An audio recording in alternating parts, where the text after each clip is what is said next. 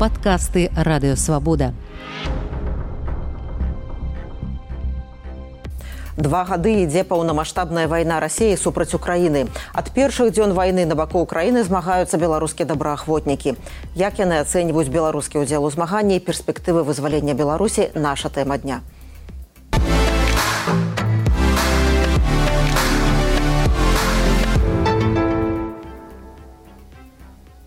І наш гость беларускі добраахвотнік Васіль Пацук верамейчык. добрый дзень Васіль. Добрый дзень. Вітаю всех. Я прадстаўлю вас нашай аўдыторыі вы служылі ў беларускім войску сем гадоў пасля 24 лютого 2020 году удзельнічалі у баявых дзеяннях у розных вайсковых фармаваннях ва ўкраіне у тым ліку батальёне волат палка каліноўскага а, а все пачалося два гады таму калі вы знаходзіліся ва ўкраіне пасля вымушанага ад'езду з беларусі як толькі пачалася вайна адразу пайшлі змагацца супраць агрэсараў. Цяпер вы не ва ўкраіне і маё пытанне да вас, як вы глядзеце на гэтыя два гады з пункту гледжання беларускага ваяра. Глядзіце, гэта вельмі цяжкія два гады. Зразумела, тому што страты, тому што страчаны мноства сяброў, тому што загінулыя дзеці, загінула і разбураныя ну, загінула людзі разбураныя гарады і гэтак далей. Я могу сказаць, што аднак Украіна не скораная, і беларуская справа таксама не скончылася і не скончыцца ну, мы працягваем змагацца ніхто з тых хто звольніўся напрыклад беларускіх добраахвотнікаў ён насамрэч з вайны не вярнуўся все роўна ты у гэтай інфармацыйнай прасторы все роўна ты як быццам бы ва ўкраіне і насамрэч насамрэч заўсёды цяжэй калі ты далёка адтуль чым бліжэй ты да фронта тым як прасцей і лягчэй сапраўды чым бліжэй да фронта тым прасцей лягчэй чаму патлумачце Таму што э, ты адчуваеш што ты вось бліжэй да справы ты робіш нешта патрэбнае А калі ты далёка увесь час э, э, ты думаеш вы зараз твои пабрацімы там гінуць пабрацімы з беларуска добраахвотніцкага корпусу з батальона волат з батальона ліційных і так далей і гэта вельмі цяжка тому что тому что ну, на сэрца цяжка Ну так я ведаю, што вы былі камандзірам загінулага Міраслава Лазоўскага. Вы былі намеснікам у загінулых волата і брэста. А, я, мы не ведаем дакладна лічбы, мяркуецца, што 38 беларускіх ваяроў загінулі ва ўкраіне ад 2022 году. Больш за сотні чалавек былі параненыя.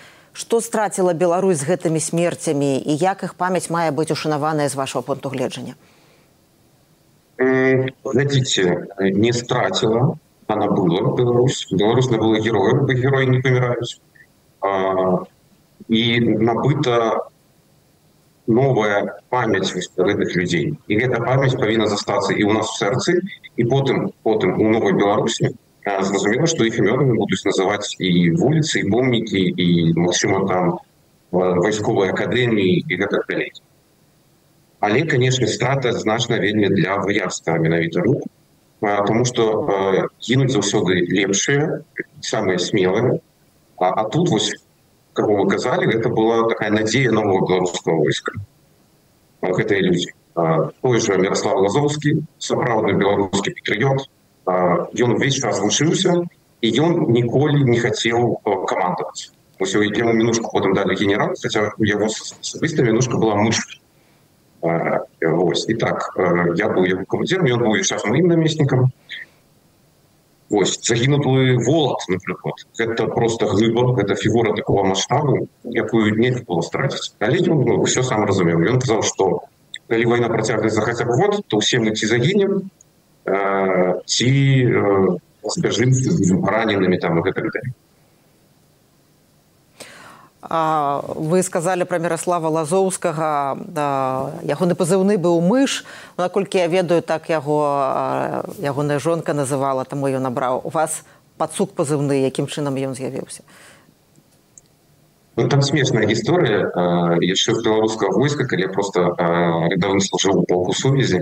Я там прайграў спрэчку і трэба было прыдумаць крыўную мянушку як зоны таксама сувязі я прыдумаў а потым калі мы даехалі да Кіева на пяты дзень войны неяк не было адчування что там доўга пражывеш я подумал ну хай будзе як і было ў войска чаму не Ось.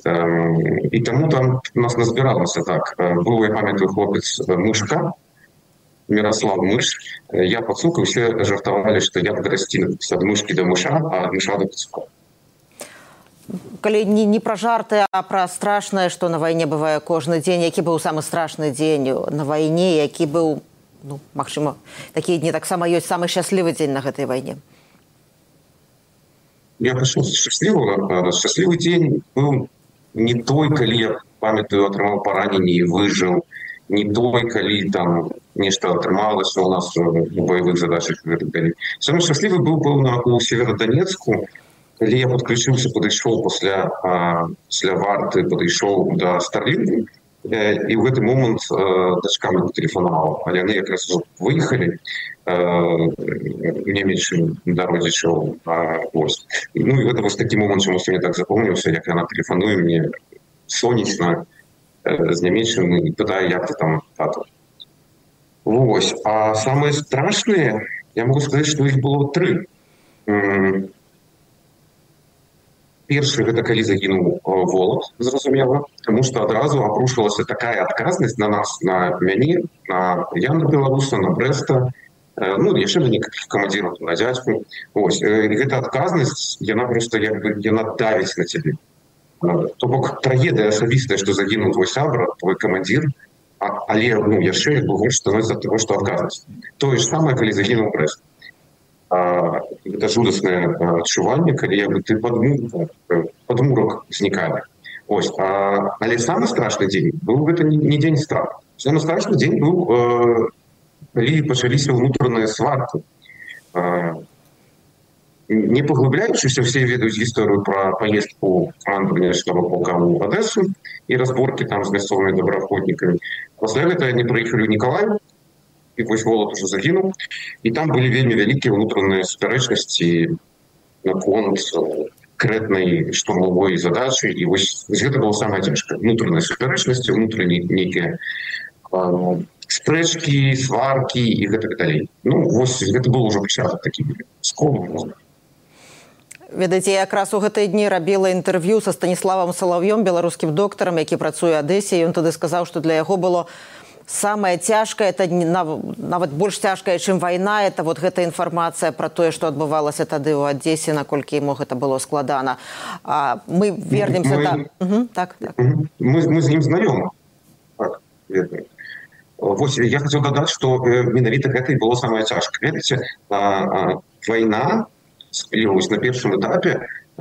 Ніхто не адчуваў себе там покалеченным ці там ніхто не абмяркоўваў як кому там нагу оторвала ці хто памёр хто загінуў все абмяркоўвалі як хто перажыў двадцаты год там пабоі мап дубінкі там турмы і гэтак далей тому что гэта самое страшное калі ты не можаш нічого зрабіць а, і вось с внутреннімі канфліктамі тое ж самое так война ідзе у тебя ёсць э, зброя у тебя есть ворог у тебя есть магчымасць зрабіць нешта а тут як у двадцатым годзе з гэтымі внутреннымі спрэчкамі ты не можешь нічого зрабіць А ці можна сказаць что что гэта ў мінулым что вот гэтыя супярэчнасці ў мінулым і что ну зробленыя пэўныя высновы что это не ну такога трэба пазбягаць максімальна ну все люди все ў траўматычнай сітуацыі спрэчкі могуць быць але ну, там не менш нейкая праца над памылкамі зробленая была як вы мяркуеце я отвечу коротко нет не было сделано ни работа над ошибками с со, со стороны, так сказать, назовем там офиса, кабинета и так далее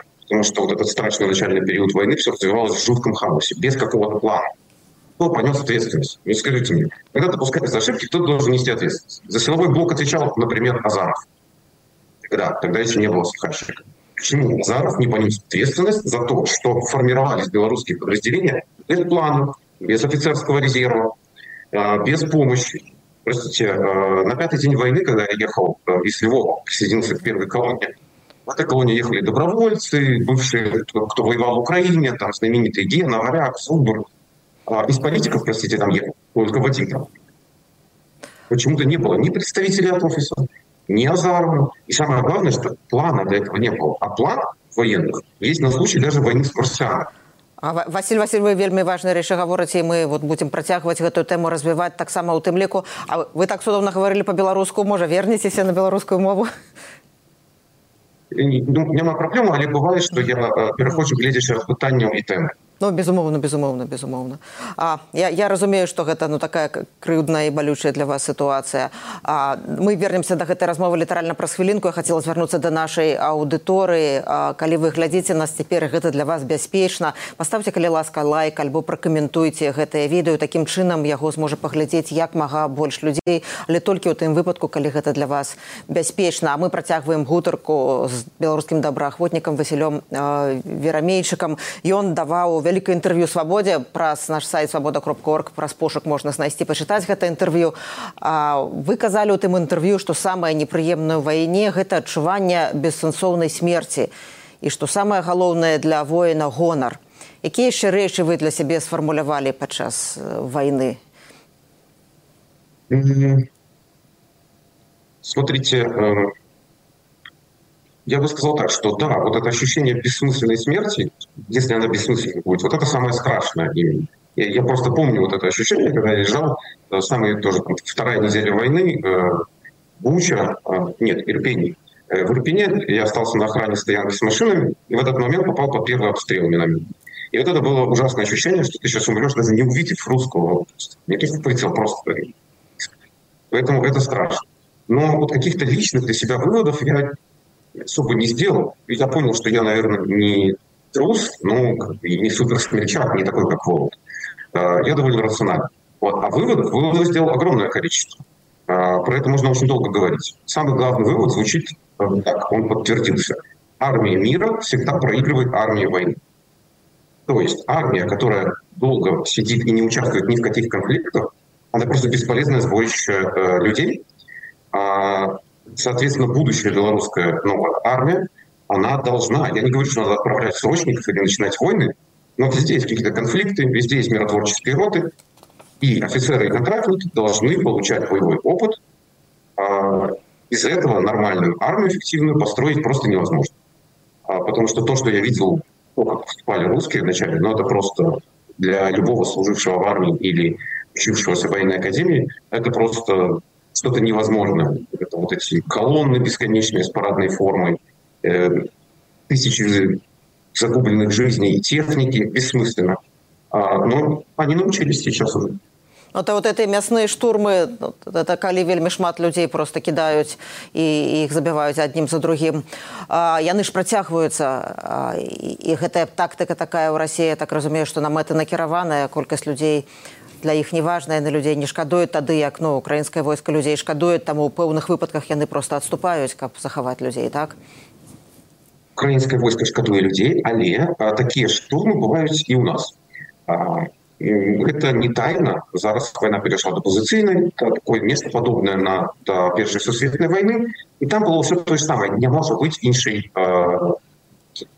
тычнай дзеянні зараз. Гэта такія мясныя штурмы ну інакш просто не ты не будзеш прасоўвацца Таму што не гледзяч на тое што зараз вайна дронаў вайна артылерыі зразумела але ўсё роўна пехота павінна зайсці Таму вось каб узяць якую-нибудь там удзеюку не патрэбны гэтыя мясныя штурмы тое ж самае было першую сусветную вайну фарміраваліся названыя штурмавыя атрады напрыклад у немцаў якія займаліся вось такімі волнамі штурмавалі ну, тут просто іншого няма выхаду і беларускія добраахвотнікі таксама бяруць удзел у такіх штурмах ну таких не таких украінскія мясныя штурмы ось так выкосях мясныя яны конечно спрабуюць жаліць людзей але вельмі много было і ну, нечага падобнага там сіловскіх і зразумела так і рэгіён удзельнічае кавы нечым падобным таких штурмок аперацыях вы пачалі доля пехоты вы пачалі гаварыць пра беларускае войска вы служылі сем гадоў вы скончылі вайсковую акадэмію А як вы ацэньваеце цяпер маральны дух войска беларусі баяздольнасць вы кажаце што трэба каб пасылалі на пэўныя канфлікты каб быў досвед ці назвалі вы беларускае войска ці назвалі вы это войска беларускім а не войскам беларусі та і Як вы мяркуеце калі паступіць загад э, ісці на ўкраіну ці гэтае войска пойдзе Я немножко вернусь назад. Почему был огромный наплыв и добровольцев? И активность такая, и волонтерская помощь э, бесконечная. Потому что в начале войны было четкое ощущение, что мы идем домой. Ну, то есть там 90 5%, там 9, может, даже. Добровольцев белорусских, они же воюют, э, скажу честно, они воюют не за Украину, ну, или это не на первом месте. А, и не против России даже, это на втором месте. А на первом месте стоит желание вернуться домой и освободить свою страну. А, вот. Сейчас за два года войны эта перспектива не такая реальная, а, большой какой-то структуры не сложилось, поэтому как бы и добровольцев на самом деле меньше, все раскалывались, поуходили. Вот. Могу сказать, что белорусская армия, главное слово ее характеризующее, э, это пофигизм. А, понимаете, тут надо смотреть, э, армия – это, конечно, отражение общества, но белорусская армия еще имеет такое понятие, как негативное э, и офицерского состава. Я могу сказать, что на моем курсе начальном из 130 с чем-то человек, а, по-моему, только 4 человека были из Минска, служивших срочную службу, то есть имевших уже опыт какой-то, было там около 7 человек. Все остальные – это просто какие-то ребята, вплоть до того, что люди пришли просто откосить армии, да, называется, пришли в военную академию. А, вот. Вообще у нас был большой разбор с моим побратимом рыцарем на канале «Российские истории» э, вот на тему белорусской армии. Там я рассказываю подробнее. Дальше. Боеспособность ее очень низкая, но повысилась. Действительно, с начала войны, есть ощущение, что есть угроза, какая-то, да, хотя бы и вступление в войну, и от белорусских добровольцев, или еще чего-то, э, начали вкладывать намного больше денег, увеличили бюджет, действительно начали какие-то Э, там, тренировки и так далее. Но... И тренировки эти Вы... ведут былые вагнеровцы, так? Ну, слушайте, это показуха. Это все, все такое. Э, это, знаете, это как э, есть спецназ армейский, есть спецназ э, милицейский в белорусском случае. Да? Так вот, никакой милицейский спецназ э, там, ну, ничего не решит. 300 добровольцев на технике, на старающей нормальной пехоты с артиллерией, и все, никакой алмаз не остановит. А, потому что это, ну, у них другое предназначение у этого милицейского спецназа. А будут ли выполнять приказ? Будут. Будут, э, вы такое слово, отмораживаться. То есть они будут выполнять приказы, но будут стараться там заболеть, сломать ногу. Но если как бы настойчивый приказ будет четкий, э, при сегодняшнем режиме поедут. Я уверен, что поедут. Сразу получат э, зубам очень мощно от украинской армии но приказ выполнен. Потому что все, кто понимал, что происходит, все ушли или в 2020 году, или в 2022. Вот. И эта армия не белорусская. Я же говорю, главное слово – это пофигизм. Это армия советская. Генералитет почти весь заканчивал что, хотя бы что-то, хотя бы какую-то часть обучения в России. Очень мощные связи э, с армией РФ. А, смотрим там на того же Вольфовича, например, э, генерала. А, я очень с его сыном, он был старше на два года. Вот. Ну, как бы там четкая прорусская позиция. Понимание есть четко, типа, кто для них свои, а кто чужие. А, ну, с этим режим Лукашенко тоже борется. Специально для этого пытались до 2020 года, опять же, выращивать и какую-то часть патриотического офицерства. Там с того же Белого легиона было очень много выходцев в силовых структурах разных. И их никто как бы не гонял. И ну, меня, например, пустили. Я первый раз задержан был в 15 лет что не помешало мне поступить в военную академию на специальность идеологическая работа в войсках, военная психология. И меня попустили в идеологическую работу в войсках. То есть, як вы думаете таких э, людей такие люди як вы вы кажется збольшага яны павінны былі сысці але тым не менш можа засталіся я уверен что конечно остались я уверен что есть люди которые ждут часа x а, просто молчат и понимают что а, в какой-то момент вот этот момент, например, например, когда закончится война и Россия проиграет, она проиграет. Это понятно. А вопрос только в каком качестве ты же проиграет. Она может проиграть и развалиться, а может проиграть, и Путин останется у власти. И будет также поддерживать режим в Беларуси. Вот. Но это будет такой же новый момент возможности, открывающийся, а, как был в момент начала войны. Потому что в момент начала войны действительно белорусского движения, если бы был план, если бы была четкая координация, Украина разрешала в тот момент все. Можно было создать настоящий пол, в котором будет там две тысячи, три тысячи. Было огромное количество добровольцев. Вот конец войны – это такой же момент. А, я не говорю, что надо идти и штурмом брать Брест. Да? Но чтобы с тобой разговаривали, важно создать э, угрозу. Важно тоже обладать силой. И тогда с тобой будут как бы, ну, общаться даже тот же режим Лукашенко, те же генералы какие-то. Вдруг Лукашенко инсульт хватит завтра. Цяпер цяпер не, не, не, не конец войны цяпер і не пачатак войны. Мачыма сярэдзіна это мало хто ведае.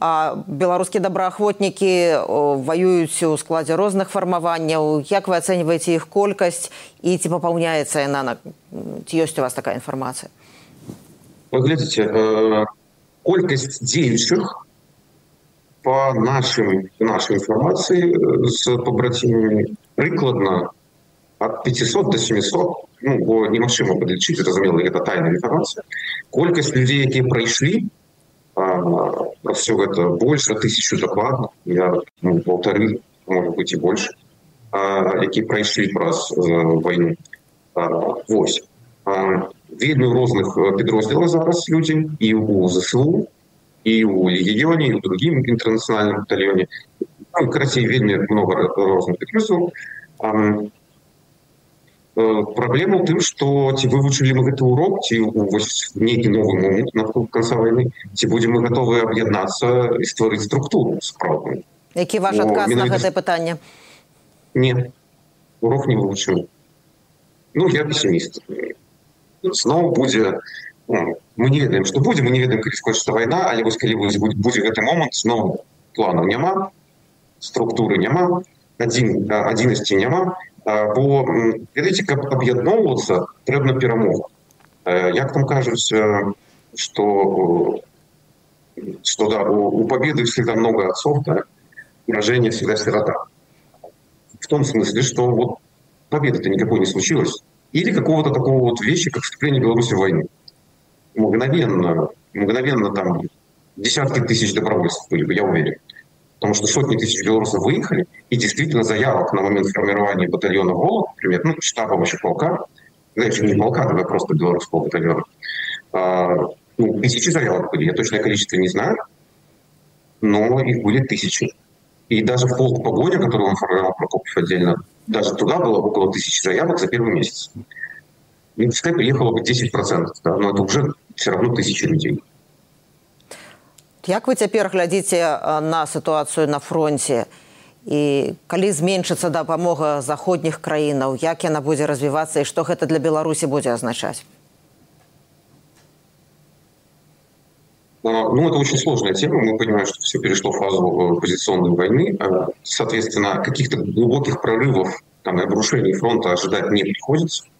Что показало, например, э, попытка наступу из СУ и вот это вот прогрызание медленной обороны войск РФ, а, самая главная проблема, на мой взгляд, это внутренняя, это экономика. А, например, а, Германия, она не проиграла в военном смысле Первую мировую войну.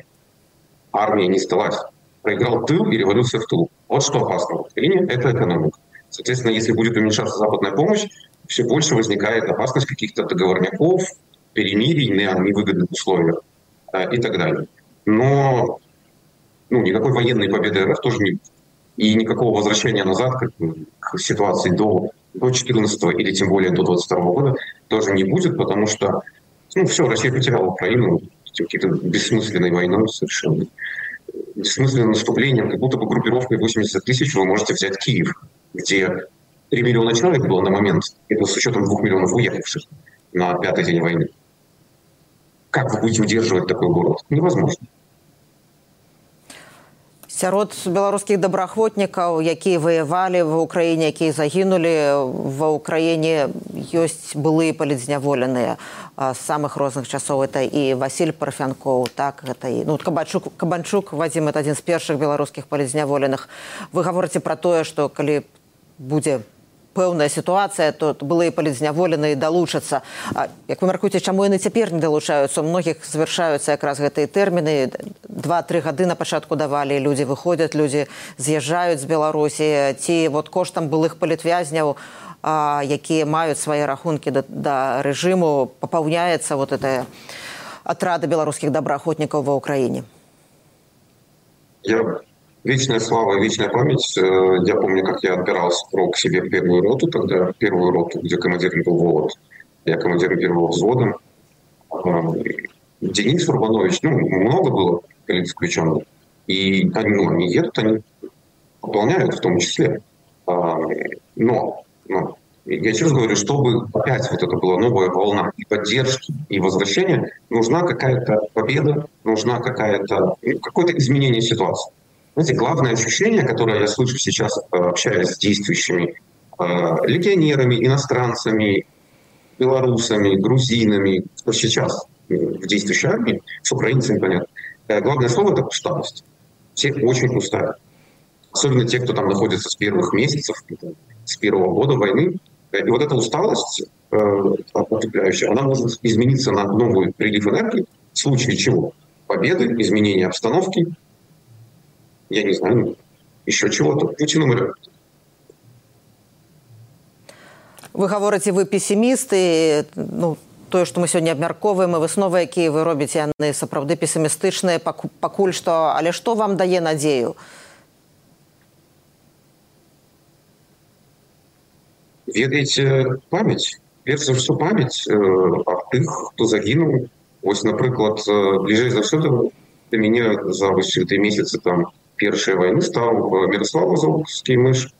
Гэты чалавек верыў у ідэю, верыў у Беларусь, верыў тое, што мы вызвалім яе, тое, што мы пабудуем новую новае грамадства, будуем новую армію і мы все в гэтым паўдзельнічаем, калі выжывем, конечно.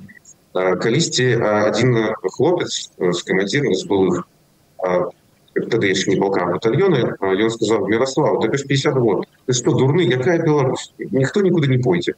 И что я сказал, не, я верю в это и буду верить. И вот это дает мне надею, что такие люди, такие волоты на нашей земле нараджались, ранее, конечно, в истории, наражаются зараз и будут наражаться. Нас так просто не скорыть. А, вось. Это первое. А коли казать рационально, вельмі добра што сфармавалася сапраўдная сапраўдная іміграцыя беларуская сапраўдна сапраўды людзі дапамагаюць адзін аднаму вот я зараз напрыклад у азіі у амаль што кожнай краіне ёсць беларускія групкі беларусы дапамагаюць беларусы дапамагаюць з працай просто з інфармацыяй і гэтак далей і гэта таксама дае надзею бо нават кааперацыі это тое што нам спатрэбіцца у будучай беларусі Потому что, ну, что такое демократы? Это кооперация, это с чем избавляться. Мой любимый политолог Екатерина Шульман, сказать по-русски, она всегда говорит, что прекрасно, когда, например, в парламенте дерутся.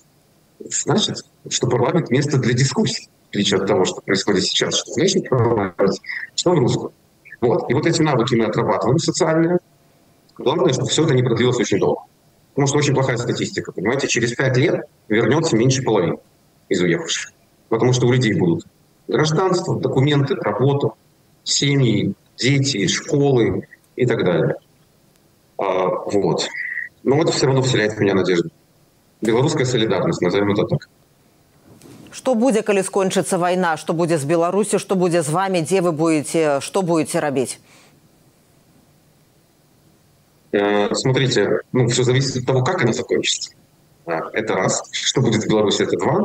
Но если представить себе самый оптимистичный какой-нибудь сценарий, когда война заканчивается ослаблением демократизации или распадом России, э, неважно, с чем-то из этого, а, и это возможность изменить что-то в Беларуси, а, например, в этот момент Лукашенко уже не президент, ну, почему дело идет, а, вот, то как раз-таки белорусские добровольцы и вот, вот эта вот силовая часть белорусской оппозиции, она могла бы послужить поводом и причиной для диалога с какими-то людьми в режиме. Потому что всем понятно, что ну, с ними придется разговаривать. Мы же не можем взять и уволить всю армию сразу белорусскую. Но она не уволится сама.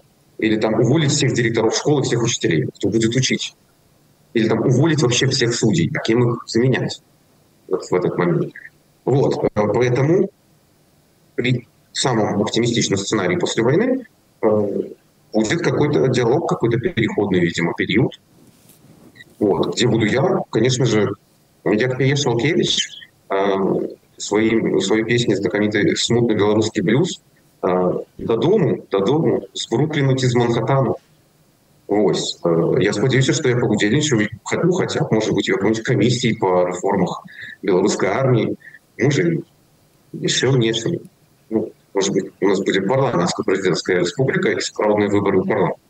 Самое цікаве. Бо ну, повинны быть представлены все, и вояры, и правые, и левые, и нават крамольна скажу там некая узкамірная партия. Все повинны быть в парламенте. Ну і на такой ноце дадому мы завершаем размову другую гадавіну паўнамасштабнай вайны рассіі супраць Украіны у якой на баку Украіны ваююць беларускія добраахвотнікі і сёння ў нас у эфіры быў беларускі добраахвотнік Васіль пацук верамейчык Дзякуй вялікі што прыйшлі ў эфір свабоды прэміум Дзякуй вам вечная слава героя Я Ганна Соусь развітуюся з вами заставайцеся са свабодай і ў бяспецы